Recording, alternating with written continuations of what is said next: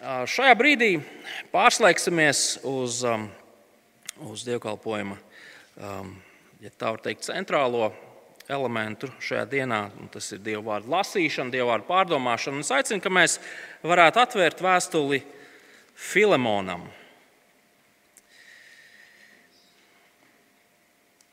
Draudzes Bībelēs 1218. lapus vēstuli Filemonam, turpat blakus vēstulē ebrejiem. Un lasīsim šo vēstuli.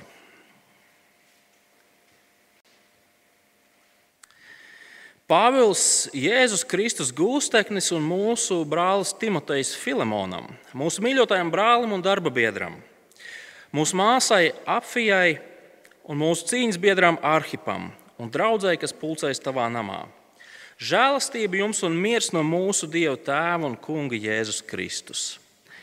Es pateicos mūsu Dievam vienmēr tevi pieminēdams savā lūgšanās, dzirdot par tavu mīlestību un ticību, kas tev ir uz Kristu Jēzu un visiem svētajiem.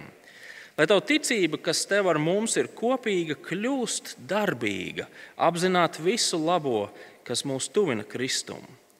Man bija liels prieks un mierinājums par tavu mīlestību, jo caur tevi, brāli, svēto sirdis guva atspirdzinājumu. Lai gan Kristu es pilnīgi varētu iedrošināties tev pavēlēt darīt to, kas tev pienākas, tomēr mīlestības dēļ es tevi labāk mudinu.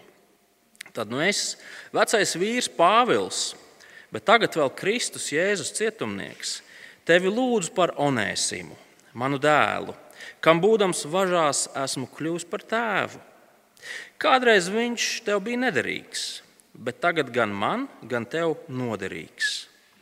Viņas tev nosūtu atpakaļ pie tevis, pieņem viņu kā manu sirdi.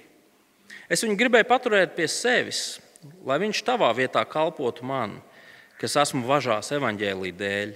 Bet bez tavas piekrišanas es negribēju neko iesākt, jo tev nav jābūt labam piespiedu kārtā, bet brīvi. Varbūt tādēļ viņš uz īsu brīdi bija šķits no tevis, lai tu viņu iegūtu uz mūžiem. Nevis kā vergu, bet vairāk kā vergu, kā mīļotu brāli. Tāds viņš tiešām ir man, bet daudzreiz vairāk tev, gan miesīgi, gan kungā.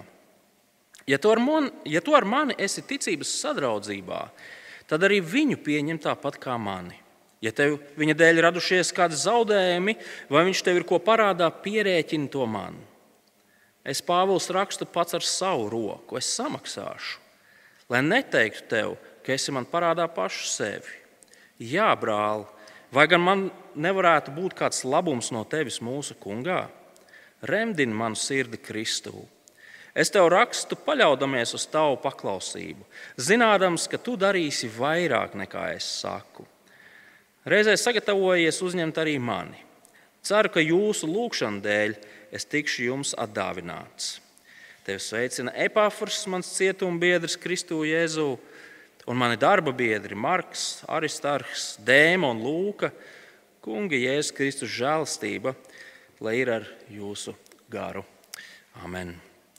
Lūksim Dievu. Debes Tēvs, mēs lūdzam palīdzību šajā pēcpusdienā, kad Tavu vārdu esam lasījuši un to vēlamies pārdomāt. Tavs vārds patiesi ir garīgais piens, kas mums visiem, kā taviem ļaudīm, ir tik ļoti vajadzīgs, lai mēs varētu augt izpratnē, tādējādi sasniedzot vīra briedumu. Palīdz mums savā dzīvē arī izdzīvot to, ko mēs šajā dienā no tava vārda mācāmies. Jēzus vārdā. Amen. Mums priekšā esošā vēstule runā par vienu no tām lietām, bez kurām nevar pastāvēt nevienas attiecības. Vai tās būtu attiecības vienkārši cilvēku starpā, vīrs, sievas starpā, sabiedrībā, attiecības draudzē un pat ne attiecības starp cilvēkiem un Dievu. Nevienas attiecības nevar pastāvēt bez šīs vienas lietas. Un šī viena lieta ir atdošana. Mēs zinām, cik atdošana ir svarīga, taču mēs zinām arī to, cik tā ir ārkārtīgi sarežģīta lieta. Mēs zinām to, cik grūti to ir dot un cik grūti to reizēm ir arī ņemt. Mēs visi dzīvojam salauztā pasaulē, um, kur ir iespējamas bēdas, ko rada cilvēku rīcība. cilvēku vārdi, cilvēku, cilvēku darbi, cilvēku kaut kādas attieksmes, tas viss ir neizbēgams. Lausts vārds, neturēts solījums, krāpšana, pamešana, melošana, neusticība, vardarbība. Tās tikai dažas lietas, kuras mēs varētu nosaukt, kas ir kā tādi milzīgi ķīļi, ko mēs varam iedzīt attiecībās, kas šīs attiecības sapost pareizi. Un tā kā draugi arī mūs šeit veido, jā, dieva izglābti, bet joprojām grēcinieki, arī draudzēm mēs viens otru laiku pa laikam varam sāpināt. Es ceru, ka nevienmēr tas ir apzināti. Es ceru, ka lielākoties tas notiek nejauši, bet tik un tā tas ir sāpīgi. Un mūsu pirmā instinktīvā rīcība ir norobežoties no cilvēkiem, kuri mūs sāpina. Tad, kad mēs pieskaramies karstai plītī, mēs roku atraujam. Pareizi. Tas ir tā mūsos iebūvēts. Mēs izvēlamies ar šiem cilvēkiem nekontaktēties, nerunāt, izvairīties no viņiem. Mēs viņiem vairs neusticamies. Pat ja kādu iemeslu dēļ mēs esam spiesti teikt, būt kopā un sadzīvot, mēs, mūsu attiecības ir tādas vēsas, formālas, tur vairs nav tāda patiesa sirsnīguma, prieka, atvērtības. Mēs esam pieklājīgi, bet ne mīloši viens pret otru. Un reizēm mēs ejam vēl tālāk. Mēs, mēs sākam gruzdēt. Mēs sākam kalt plāns par to, kā mēs varētu atriepties, par to, kā sāpināt to, kurš sāpinājis mūs. Bet, draugi, beig, beigās mēs visi zinām, ka tas neko neatrisina. Mums liekas, ka cilvēki mums ir kaut ko parādā. Taču kā mēs varēsim pateikt, ka tas cilvēks to parādi ir devis? Piedošana ir šausmīgi grūta lieta. Taču raksti mums, kristiešiem, māca, un mēs pat varam teikt, pavēlu, piedot līdz cilvēkiem. Piedot saviem brāļiem, piedot savām māsām Kristū. Un te nav runa par to, ka tas būtu viegli, vai ka mums vajadzētu ignorēt pāri darījuma sekas. Piedošana nenozīmē aizmirsīsim un izliksimies, ka nekas nav bijis. Piedošana nenozīmē to, ka tas, kas ir salauzts, ka to uzreiz var pacelt un ka tas atkal sāks funkcionēt. Pareizi. Piedošana nenozīmē, ka tagad prieks atgriezīsies un plūdīs kā tāda straume. Nē, piedošana ir iespējama, bet tas prasa laiku. Reizēm ļoti ilgu laiku. Taču raksti mūs mudina, pat pavēl, kā jau es teicu, nostāties uz šī atdošanas ceļa. Raksti mums neļauj dzīvot ar nepiedošanu. Un tieši spēja piedot ir kaut kas tāds, kas raksturo katra kristieša dzīvi, kas, kas atrodas draudzes pašos, pašos pamatos. Piedošana ir tas, kā draudzene rodas galu galā, draugi. Un tieši par šo lietu Pāvils raksta Filemonam. Filemons uh, uh, ir vīrs, kurš dzīvo Kolosas pilsētā. Kolosas pilsētā mēs zinām, ir draudzene. Uh, iespējams, šī draudzene tikās Filemona mājās. Un tas pats vēst, vēstnesis, kurš atnesa šo Filemona vēstuli Filemonam, viņš ir tas pats, kurš atnesa visai draudzēji arī kolosiešu vēstuli. Tātad vēstuli visai draudzēji. Un šīs, šīs vēstules atslēgas pāns, jeb galvenais iemesls, kāpēc Pāvils raksta, ir atrodams 17. pantā. Ieskatieties! Pāvils raksta, ja tu ar mani esi ticības sadraudzībā, tad arī viņu pieņem tāpat kā mani. Proti, Pāvils šajā vēstulē mudina Filemonu pieņemt atpakaļ pie sevis viņa kalpu Onēsimu. Mēs visas detaļas nezinām, bet tā viņš šķiet, ka Onēsims bija aizbēdzis no Filemona, no sava kunga. Un iespējams nodarījis kaut kādus materiālus zaudējumus, vai nu kaut ko nozadzis, vai vienkārši ar savu prombūtni nesis zaudējumus. Un tagad Pāvils mudina Filemonu piedot šim cilvēkam, savam neusticīgajam, nederīgajam kalpam, un vēl vairāk pieņemt viņu atpakaļ pie sevis. Un tas lielais jautājums ir, nu, kā tas ir iespējams? Nu, kur lai Filemons rod motivāciju šim solim? Kur? Un Pāvila atbilde ir mīlestība. Mīlestība ir tas, kas reāli visu maina un dāvā spēku piedot. Kristus parādītā mīlestība kristiešiem palīdz mīlēt citus cilvēkus. Jā, arī tos, kuri ir rīkojušies nekrietni un neusticami. Uz brīdi atvērsim vēstuli kolosiešiem. Atcerieties, Filamons lasot savu vēstuli, visticamāk, pirms tam bija izlasījis vēstuli kolosiešiem.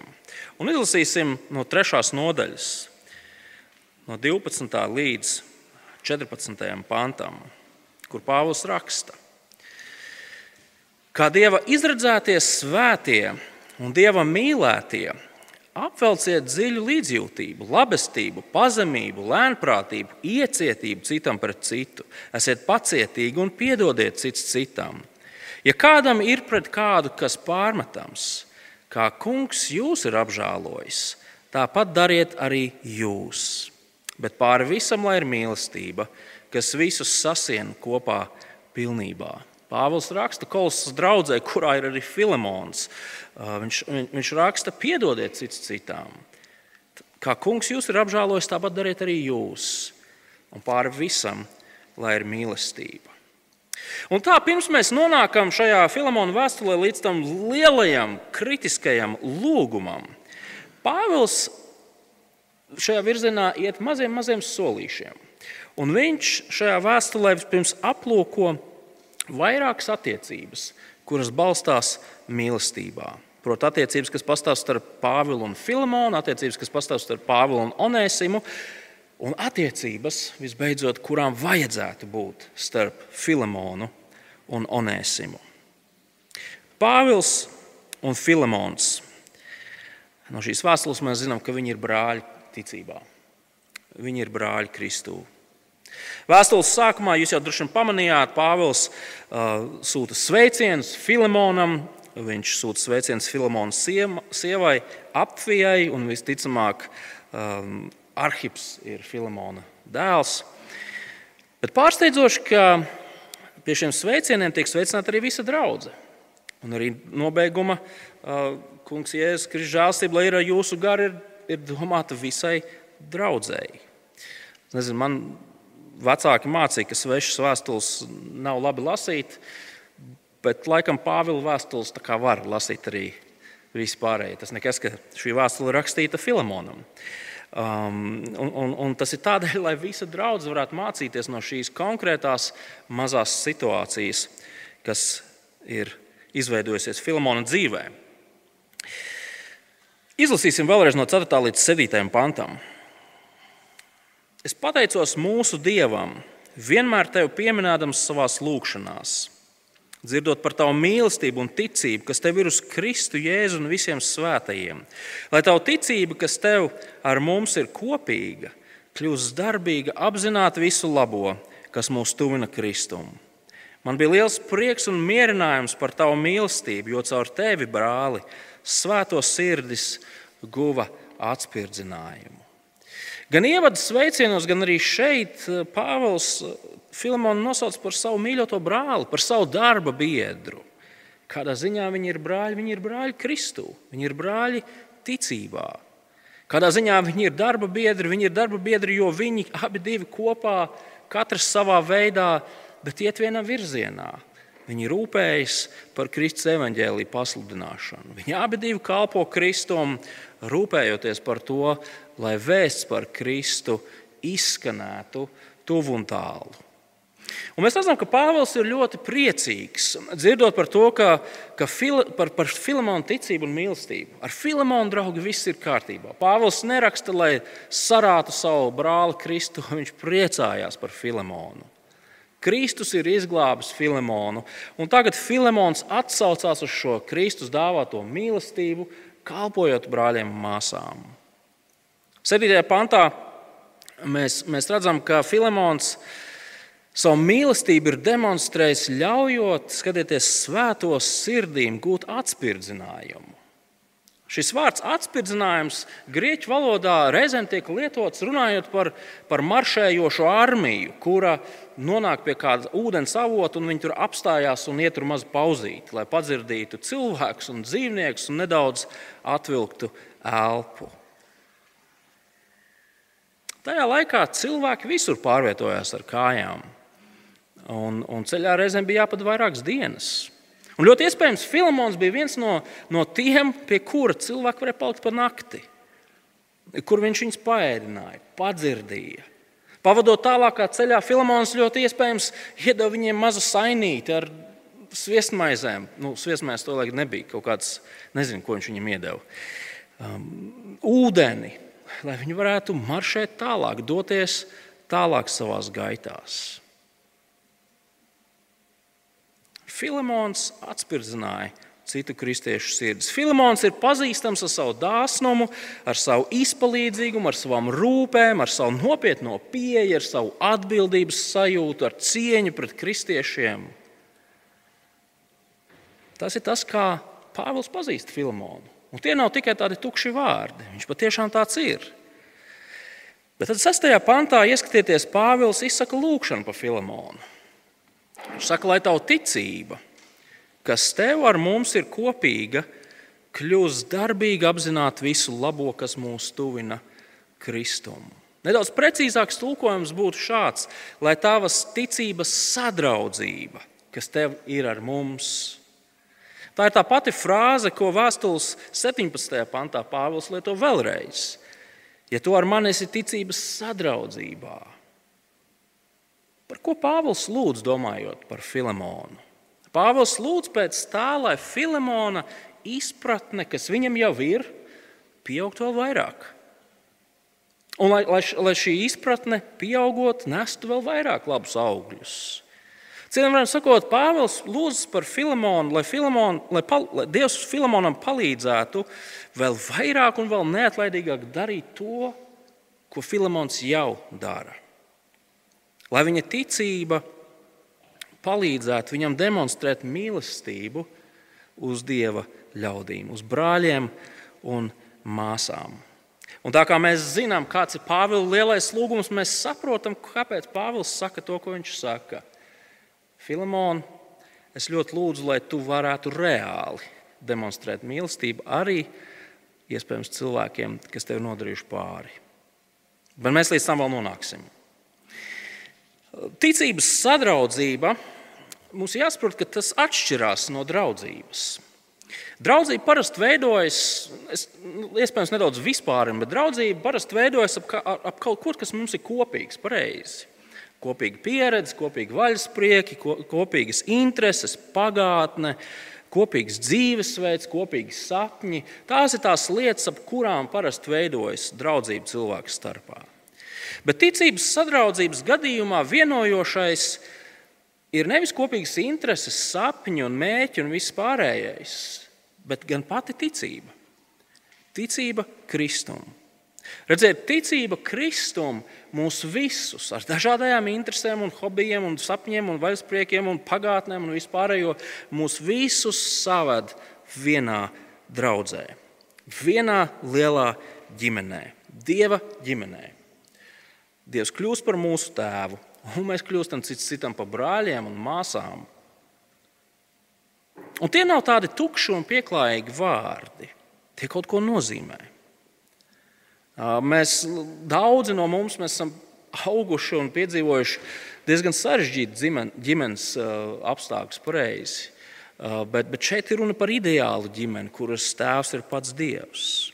Tādā labā, ideālā, krietnā ģimenē mēs viens par otru iestājamies. Mēs viens par otru rūpējamies, mēs viens otram palīdzam, mēs viens otru iepriecinām, mēs viens otru pamācām, mēs viens otru norājam mīlestībai, ja tas nepieciešams izaugsmēji. Un te ir runa par dieva ģimeni. Ticības sadraudzība nozīmē savstarpēju atbildību, cieņu, rūpes vienam par otru lai kas šis otrs arī nebūtu, jo mūsu vieno ticību Kristumu. Lūk, Filemons un viņa attiecības ar Pāvilu. Pāvils uzteica Filemonu par viņa mīlestību pret Kristu, pret kristiešiem. Un viņš lūdz par to, lai šī mīlestība Filimona dzīvē ietu tālāk, un vēl dziļāk un plašāk. Otrs attiecību pāris - Pāvils un Onēsims. Pāvils un Onēsims Kristu ir kā tēvs un dēls. Ieskatieties 8. un 9. pantā. Lai gan Kristu es pilnīgi varētu iedrošināties tev pavēlēt darīt to, kas tev pienākas, tomēr mīlestības dēļ es, es tevi labāk mudinu. Pāvils spēr nākamo soli pretī savam lielajam uh, lūgumam. Pāvils ir Kristus apustulis un kā tāds viņam ir autoritāte. Viņam ir autoritāte noteikt lietas, pavēlēt lietas, Un viņš varētu likt Filamonam, klausies, vecīt, nu, šī viena lieta vienkārši ir jāizdara. Pāvils tā varētu pateikt, un Filamonam būtu jāpaklausa. Taču tā vietā Pāvils vēlas, lai Filamons rīkotos pats pēc sava, savas brīvas gribas. Lai viņš pats no savas sirds vēlētos darīt to, kas ir pareizs un labs. Un tā, no 10. panta, tad nu es, vecais vīrs Pāvils, bet tagad vēl Kristus, ja es cietumnieks, tevi lūdzu par onēsim, manu dēlu, kam būdams važās esmu kļuvis par tēvu. Kādreiz viņš tev bija nederīgs, bet tagad gan man, gan tev noderīgs. Lai gan mēs vēl neesam nonākuši pie Pāvila lielā lūguma, Filemons tagad ar acīm lasot šo vēstuli, saprot, ka nu, tā, tas lūgums ir kaut kādā veidā saistīts ar onēsimu. Un mēs, mēs varam aizvērt acis un iztēloties, kāda bija tā sapulcīta tur, kur šīs vēstules tiek lasītas. Tā neveiklā situācija. Uh, Filamons sagaida sūtni no Pāvila. Viņš ir priecīgs, viņš droši vien vēstules nes no Pāvila, un tur aiz tā sūtņa ir onēsims, tas blēdis, tas, kurš no manis aizlaidās un iespējams naudu nozaga. Ko viņš te dara? Draudzē tiek nolasīta vēstule kolosiešiem, un tagad Filamons iespējams pie sevis klusiņām vai varbūt skaļi lasa šo vēstuli, kurā Pāvils runā par Onēsimu. Un Onēsims turpat sēž. Ļoti iespējams, arī Onēsimam tas nebija pārāk tāds viegls brīdis. Mēs nezinām, kā un kad Bet tā vien izskatās, ka Onīsims kaut kādā brīdī pēc aizbēgšanas no Filemona ir nonācis līdz Pāvilam, un iespējams Pāvils sludināšanas dēļ ir kļuvis par kristieti. Pāvila valoda, vai jūs pamanījāt, ir patiešām sirsnīga. Tur nav nekāda izlikšanās, tur nav nekādas formāla ķeksīša. Nē, Onēsims, Onēsims ir kļuvis viņam par garīgo dēlu. Un Kristus mīlestība ir mainījusi onēsimu. Pāvils vairāk kārt izceļ to, ka šis onēsims, kurš kādreiz bija nederīgs, tagad ir noderīgs. Sapratu, grieķu valodā vārds onēsims arī nozīmē noderīgais. Noderīgais beidzot ir kļuvis noderīgs. Un patiesi viņš ir noderīgs, jo viņš ir kalpojis Pāvilam un Pāvils viņu paslavē. Bet tagad Pāvils vēlas darīt to, kas ir pareizi. Viņš vēlas sūtīt Onēsimu atpakaļ pie savu kunga, pie savu darba devēja, pie Filemona no 12. panta. Viņas tev nosūta atpakaļ pie tevis, pieņem viņu kā manu sirdi. Es viņu gribēju paturēt pie sevis, lai viņš tavā vietā kalpotu man, kas, važ, kas esmu važās evaņģēlī dēļ, bet bez tavas piekrišanas es negribēju neko iesākt, jo tev nav jābūt labam piespiedu kārtā, bet brīvi. Ja atkal mēs redzam Pāvila mīlestību pret šo jauno kristieti Onēsim. Pāvils saka, pieņem viņu kā manu sirdi, pieņem viņu kā, kā manu dārgumiņu, kā kaut ko, kas man ir tiešām sirdī vērtīgs un, un, un labs. Pāvils ļoti labprāt gribētu paturēt Onēsim, jo tagad viņš ir noderīgs, bet viņš viņu sūta atpakaļ pie sava saimnieka. Galavārds pieder Filemonam. Un Pāvils vēlas, lai Filamons šajā situācijā rīkotos brīvi, nepiespiesti un darot to, kas ir labs un pareizs. Viena maz piebilde, iespējams, kāds šajā brīdī domā, nu, pak, pak, pak, tur viss tā vergu būšana, vai tad kā tad, nu, tā, nu, tas taču nav labi. Vai tad Pāvils tagad atbalsta verdzību, un kas vispār te notiek? Un atbilde ir tāda, ka šī vēstule nerunā par verdzību. Tā bija nopietna problēma pirmā gadsimta Romas impērijā, bet Pāvils šajā brīdī par to nerunā. Pāvila rūpe šajā brīdī ir atrisināt šo, šīs konkrētās attiecības. Bet no, no, no jaunās darbības konteksta mēs zinām, no citām Pāvila vēstulēm, ka Pāvils, lai arī viņš skaļi nekur nesaka, ka jūs visi zemnieki sacelsimies ar dakšām un gāzīsim mūsu vergturus, Pāvils māca kungus dzīvot, kā Kristus pieprasa, godīgi un taisnīgi. Un viņš māca kalpus dzīvot, kā katram pienākas. Un pirmā gadsimta, pirmajā gadsimtā būt kalpībā pie kristīga kunga iespējams bija vislabākā vieta, kur cilvēks varēja atrasties. Un to atbalsta arī 15. un 16. pāns. Skatieties, Pāvils saka, varbūt tādēļ viņš uz īsu brīdi bija šķirts no tevis, lai tu viņu atkal iegūtu uz mūžiem. Nevis kā vārgu, bet vairāk kā vārgu, kā mīļotu brāli. Tāds viņš tiešām ir man bet daudzreiz vairāk tev, gan mīsīgi, gan kungā. Pāvils saka, ka Dievs visu šo slikto situāciju, ar šo zaglīgo blēdi, onēsimu, ir izmantojis, lai onēsimu izglābtu. Un tagad onēsims ir kaut kas vairāk kā vienkārši kalps Filemonam. Viņš ir brālis. Viņš ir mīļots brālis. Viņš ir mīļots brālis ticībā, Kristū. Pāvila un Filamona starpā pastāv ticības sadraudzība, patiesa kristīga mīlestība. Šī mīlestība ir savā laikā mainījusi Pāvilu. Atcerieties, kāds bija Pāvils, ko Pāvils darīja pirms Dievs viņu izglāba. Un šī Kristus mīlestība ir mainījusi arī Filamonu. Un tagad starp Pāvilu un Onēsimu arī pastāv šī pati ticības sadraudzība. Dievs ir mainījis arī Onēsimu. Un tagad Pāvils saka, Filemon, zini, šis mans dēls, Onēsims, ir tavs ticības brālis. Kristus ir izglābs arī viņu. Kristus ir mainījis arī viņu. Viņš kalpo Kristum, kalpojot man. Un tas mūs pieved pie šīs vēstules lielā, šī kritiskā lūguma, kas ir izteikts 17. pantā. Pāvils vēlas, lai Filamons un Onēsims būtu patiesi brāļi Kristū. Vēl ir 17. pants. Ja tu ar mani esi ticības sadraudzībā, tad arī viņu pieņem tāpat kā mani. Grieķu valodā šis pants sākas ar jo, un tas nozīmē, ka viss iepriekš sacītais ved pie šīs kulminācijas, kas ir 17. pantā. Nevis jo, bet tāpēc. Tāpēc Ja tu ar mani esi ticības sadraudzībā, tad arī viņu pieņem tāpat kā mani. Pāvils vēlas, lai Filamons piedotu savam kalpam, lai piedotu un pieņemtu. Draugi, pasaule neko tādu nepazīst. Pirmā gadsimta Romas impērija pavisam noteikti nē. Uh, piedošana, žēlastība, pazemība, visas šīs lietas, kuras mēs augstu vērtējam pirmajā gadsimtā Romas impērijā, bija netikumi. Tās visas bija lietas, kas norādīja to, ka tu esi vājš cilvēks.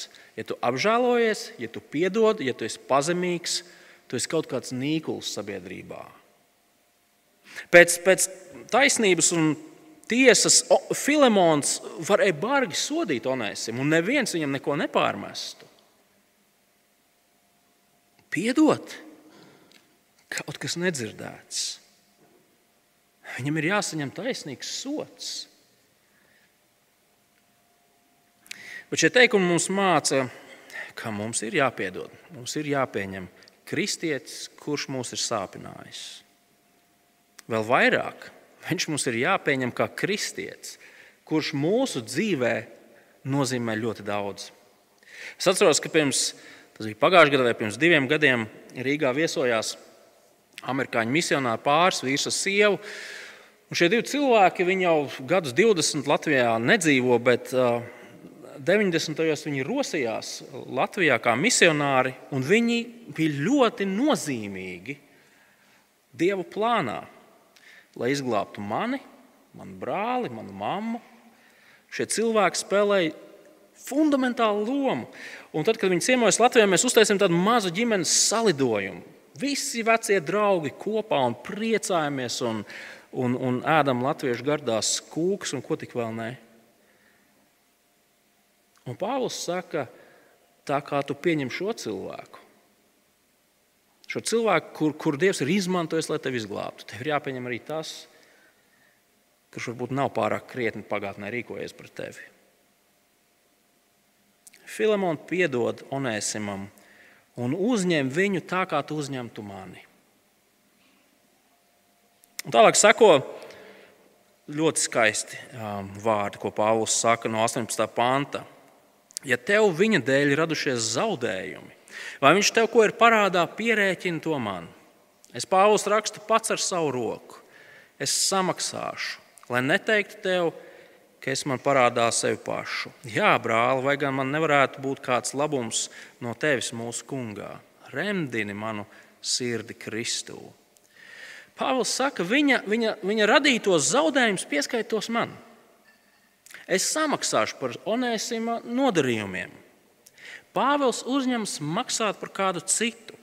Pāvils uzņemas cita cilvēka parādu uz sevis. Sakiet, tas kaut ko neatgādina. Vai mēs kaut ko tādu kaut kur iepriekš neesam lasījuši un redzējuši? Skaidrs, ka mēs zinām, par ko ir runa. Proti, Kristus mirdams pie krusta uzņēmās citu cilvēku parādu uz sevi. Kristus mirdams pie krusta samaksāja cita parādu mūsu vietā. Klausieties, kas ir teikts eh, kolosiešiem 3. nodaļā, 13. un 14. pants. Jūs, kas bijāt miruši savos grēkos un miesā neapgaizīti, Dievs darīja dzīvus līdz ar Kristu, dāvādams mums visu grēku piedošanu. Dievs izdzēsa parādu rakstu ar tiem noteikumiem, kas bija vērsti pret mums, un to iznīcināja, pieneglodams pie krusta. Un tagad Pāvils ar savu gatavību uzņemties Onēsima parādu Filemona priekšā, uzņemties atbildību par Onēsimu, atgādina šo brīnišķīgo evaņģēliju. Filemons piedod šim razbainiekam, Onēsimam, jo Kristus ir piedevis tev. Filemons pieņem Onēsimu, jo Kristus ir pieņēmis tevi. Jūs redzat, kā Kristus parādītā žēlastība, mīlestība visu maina? Piedots milzīgs pārkāpumu parāds. Un tagad tas, kurš tev ir piedevis, saka, seko manam piemēram un piedod savam parādniekam. 21. un 22. pāns. Es tev rakstu, paļaudamies uz tavu paklausību, zinādams, ka tu darīsi vairāk nekā es saku. Reizē sagatavojies uzņemt arī mani. Ceru, ka jūsu lūgšanu dēļ tikšu jums atdāvināts. Draugi, atdošana ir šausmīgi grūta lieta. Un patiesi, lai to izdarītu, ir nepieciešama Dieva palīdzība. Bet Pāvils ir pārliecināts, ka Filemons izdarīs to, kas ir labs un pareizs. Viņš piedos un pieņems onēsimu. Tieši tāpat kā viņš pieņemtu pašu Pāvilu. Sauksim lietas kopā, ko tad mēs no šī visa varam mācīties. Un šīs vēstules pielietojums ir pavisam skaidrs. Tas ir ļoti viegls, bet ļoti grūts. Tas ir vienkārši, bet grūts. Tas ir pretējs mūsu instinktiem. Tas ir pretējs tam, ko reizēm mums māca apkārtējā sabiedrība. Šī vēstule māca, ka mums ir jāpiedod saviem ticības biedriem. Kristus dēļ mēs neesam nekāds svešinieks cits ar citu, bet gan viena ģimene, kas atrodas ticības sadraudzībā cits ar citu. Šī vēstule mūs izaicina pārdomāt, kas ir tie cilvēki, brāļa, māsas, ar kuriem mums vajadzētu izlīgt. Kuru starpā varbūt ir iesprādzies šis ķīlis. Ar kuriem attiecības ir tādas vēsas, un formālas un pieklājīgas, bet ne sirsnīgas un patiesas. Kuriem cilvēkiem mums vajadzētu piedot? Kuriem cilvēkiem mums pašiem vajadzētu lūgt atdošanu? Un mēs zinām, ka nevienmēr šis process ir ātrs, un nesāpīgs un viegls. Zaudēta uzticība neatjaunojas vienā dienā. Laupītais prieks nerodas pats no sevis. Bet mums ir pieejams kaut kas tāds, kas mums var nu, palīdzēt nostāties uz šī atdošanas ceļa. Tas ir iespējams tikai un vienīgi Kristus evaņģēlīja dēļ. Kristus mums piedeva. Un viņš piedeva tad, kad mēs bijām milzīgi grēcinieki viņa priekšā, savu labumu meklētāji, dieva ienaidnieki. Bet Kristus mums piedeva. Vēl vairāk, viņa piedošana mūs mainīja. Draugi, veselīgas draudzes dzīvi raksturo Kristus piedošanā balstīta piedošana. Piedošana ir draudzes pamats. Mēs te visi sēžam, tāpēc, ka Dievs mums ir piedevis. Vai Viņš mums ir piedevis nedaudz, nedaudz vairāk, Viņš mums ir piedevis visu. Absolūta piedošana ir tas, ko Kristus mums ir devis. Tad mēs esam aicināti sekot šim piemēram un gādāt par to, lai mūsu savstarpējā, savstarpējās attiecības izaugtu. Gādāsim par to, lai šī draudzene būtu vieta, kur veidojas atdošanas kultūra, kur nav vietas nepiedošanai, grūzdēšanai un kaut kādām tam līdzīgām lietām. Būsim naski atzīt savas kļūdas, kad tās esam veikuši, lūgsim atdošanu, kad tas ir nepieciešams, un piedosim, kā Kristus mums ir piedevis. Lūk, tā izskatās mīlestībā balstīta draudzene, kas kalpo tam kungam un mīl citus kristiešus. Lūksim! Dabas tās patiesi mēs tev pateicamies par tavu milzīgo žēlstību, ka tu mums piedevi vēl tad, kad mēs bijām grēcinieki, kad mēs bijām dumpīgi, ļautiņi, kas bija sacēlušies pret tevi. Bet tu mūsu dēļ devi pašu dārgāko, lai viņš nomirtu, nosiņodams pie krusta, samaksājot to parādu, kas pēc taisnības ir jāmaksā mums. Un tādēļ mēs lūdzam, lai šī Kristus piedošana, šis Kristus mīlestības apliecinājums palīdzētu arī mums. Mēs atzīstam, ka attiecības ir sarežģītas, mēs esam sāpināti, mēs sāpinām citus, bet palīdz, lai Kristus piedošana būtu tas um, vajadzīgais dzinulis, kas palīdz un motivē arī mūs veidot attiecības, kas ir balstītas savstarpējā piedošanā. Tās mēs lūdzam, palīdz mums to Kristus nopelnu dēļ. Amen!